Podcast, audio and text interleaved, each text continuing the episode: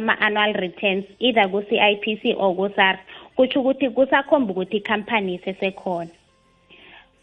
Kusho ukuthi ikhampani le isese-active. So mdele a-check-e ku-CIPC umlaleli ngiba ukuthi angizwisise.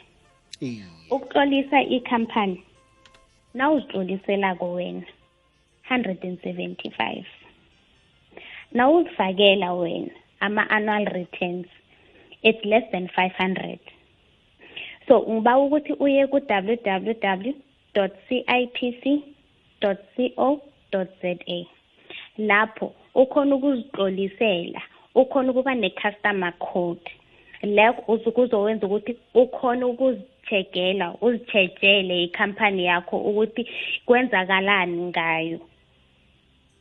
Nge-e-filing i-filing akusi ama-documents yi-system yi-system eberegiswa yi-SARS kula ufaka khona yonke into e-tax related nangabe ufuna i-tax clearance uyenza khona lapho ku-e-filing. Mdele uye ku-e-filing uya kule website leyo. Then ufaka zonke izinto zakho amaniningwane wakho wonke uwafaka lapho. Nangabe awuzwisisi awukhoni uku ukubona ukuthi bafuna ini bafuna ama-documents anjani. Ungabafonela eSARS bazokhona ukukuhelebha bakutshele ukuthi ulethe ini ungalethi ini bakwenzele ne-branch visit. Ngombana nje kune-covid bazama ukuthi kungabi nabantu abaningi abezako kuma-branch. So ngiba ukuthi ubafonele ukhona ukuthi bakwenzele i-appointment ukhona ukuya ngaphakathi eSARS bakhona ukukuhlathulela ukhona ukuphuma wazi ukuthi ikhampani ijame njani ulungisa njani.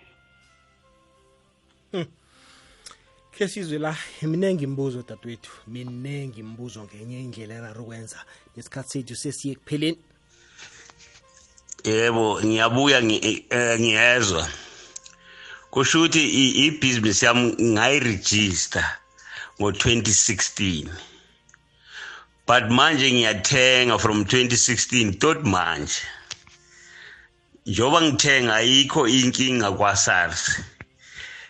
Eh nakulamanye amakhampani eh, eh, amanye engithenga kuwo ngawanikeza ivet number yami. Yonke into i-right. But le yotshwala kuloko ngayicela from 2016 ayifuni ukufaka i-vet number okay izwakele izwakele izwakele. Uyawuza umbuzo ubongekile ngiyawuza eh iyaconfirma ukuthi ikinga le inekhampani le abereka nayo baba alright. Eh so mdele akhulume nekhampani leyo. Nangabe bangafuni ukuthi bazwisisane naye angakhamba ye kwabanye abogcwetha abanikeza ama-instructions bakhona ukumchazela ukuthi yini abangamhelebha ngayo. But kule platform lesikiyo kule jima lesikilo nje asikhona ukumhelebha asikhoni nokumnikela i-information le ayidingayo. Lotshani ekwekwezini lotshise nawo makhuthalela zimfanele isithekeli sakho. Makhuthalela ngumuntu uhleli phasi. Ibhudangu lami bengifisa ukuthi ngingabuza kusithekeli sakho ukuthi ngaba ngifisa ukuthi ibhudangu lami kube ngumuntu engithengisa amahamulo. Mara angazi ukuthi isitifiketi lesi sikerewa njani. Bengibawa ihlathululo lapho. Ngiyathokoza amakhuthalelo ezimfanele ngihleze nawe ngumakepisi edzakana siyathokoza amakepisi. Bongekile nangumakepisi la uyabuza. Uthi ufuna ilayisensi yokuthengisa utshwala ngazi singamsiza njani? Uh, i-liquor license license mm. yokuthengisa utshwala isicelo ntelo ufake isicelo nala ukhona khona nale body egovernor la ukhona khona hmm. ngejima leli akukho la singamhelebha khona kuhle thina singamchazela ukuthi ikhampani uyiregister kanjani hmm. ukuthi akhona ukuba nekhampani eregistered ukuthi nasekafaka isicelo se-liquor license kuba ikhampani uyirejistarile ukuthi isicelo sakhe nasikhamba kuhle akhona ukuberegisa ikhampani leyo ukutrade ngayo. Iye. Hayi makepisi uzwile bekalalela uyazi bona ikampani irejisterwa njani. Sesikubalile nokuthi kufuneka malini kuthatha isikhathi esingangani yenza njalo-ke makepisi lotsha um mhatshini sithekeli sakho bengiba ubuza ukuthi nawuthoma ikhampani uthoma nofuna ukuyirejista uthoma kuphi? Then nesele ikhampani ufuna ukuyivala ufuna ukuyidirejista wenza njani? Okay akhe siweqe kancane lo mbuzo pheze siwubuyelele kaningi bongi? Iye akunakinga Awuzweke. singaweqa Eh sanibonani emhathweni umasotsha okhulumayo. Eh mina ngisacela ukubuza la ngoba ngifuna ukuthola i-tax clearance certificate. And then so last ngiye SARS bangitshela ukuthi kose ngisubmit ama-annual return.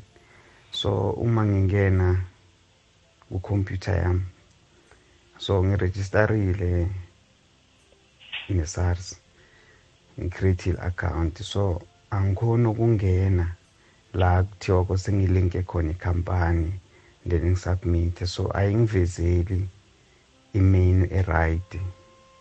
So soloku iba nama-errors. So username ngiyayifaka then password ngiyayifaka yonke into iba right but bese iveza eh individual so angikhoni ukungena la kulinka khona ikhampani ukuze ngisubmit nama-annual return and then ukuze ngizokhona ukuthola i-tax clearance certificate. So bengicela usizo lapho ukuthi ngabe kwenzakalani ukuze ngikhone ukusubmita zonke lezi zinto mangena ku-ui filing ngiyabonga singamsiza bonjani bongekile?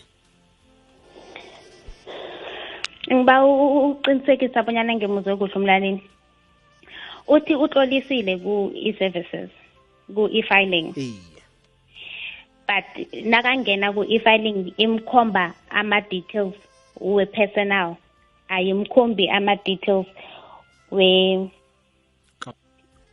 wekhampani iye okay mtele ang- angene godi ku-system arejistare ku-tcs ts i-tcs yi-system engaphakathi kwe-e-filing. Ngiyo ezomvumela ukuthi akhone ukubona ukuthi yini ethodako ukuthi akhone ukuthola i-tax clearance akhone nokuthi alandele ukuthi mdele enze njani ukuthi akhone ukufaka konke lokho. Kuzomkhomba lawo ama-button agreen ukukhomba ukuthi seka-tax compliant akhone ukuthola i-tax clearance yakhe. Ngiyakuzwa. Nitholakala kuphi? Bongekile ngiyabona imibuzo isesemningi la. Eminye senza kuraga nayo evekeni ezako. Nesikhathi sethu sesiphelile akhe sinikele nje umlaleli amanamba we-ofisini ingasi mhlawumbe personal we-ofisini umlaleli azokhona ukufona azibuzele yena. Sesemningi imibuzo bongekile. Sitholakala ku-zero one three five one six zero two eight four. Ungasithumelela ne-email ku-info at macoba attorneys co za. Info at m a k h o b a a t t o r n e y s co za. Asibuyeleni inomboro kokugcina?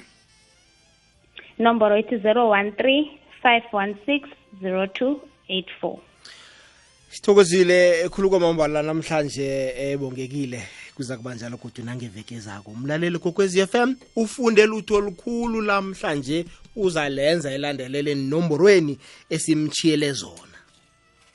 Ngithokoza khulu mindlo lafi siyathokoza dadewethu awuzweke. Licwetha laba kwethu eh ubongekile makhoba olilunga le-south african women lawyers association. Leli hlelo kube silethelwa ngebomnyango eh waboma ilutsha nabantu abaphila nokukhubazeka. Liyaraga-ke qobe ngabolosine ngesimbi yesumi nomavusana uzokuraga nalo ihlelweli ungathomi uchite kusesekunengi osazokuzuza la kukwekwezi FM sithokoza khulu kwamambala mlaleli kokwezi FM ukubandakanyeka kuleli hlelo namhlanje. Nangeveke zako kodwa kuza kuba njalo. Nasemtatweni sithokoza khulu kwamambala ungalahli nangomuso. Nasithi nalithuba asilisebenzise. Thokozile basukumile abantu abatsha kwazwakala.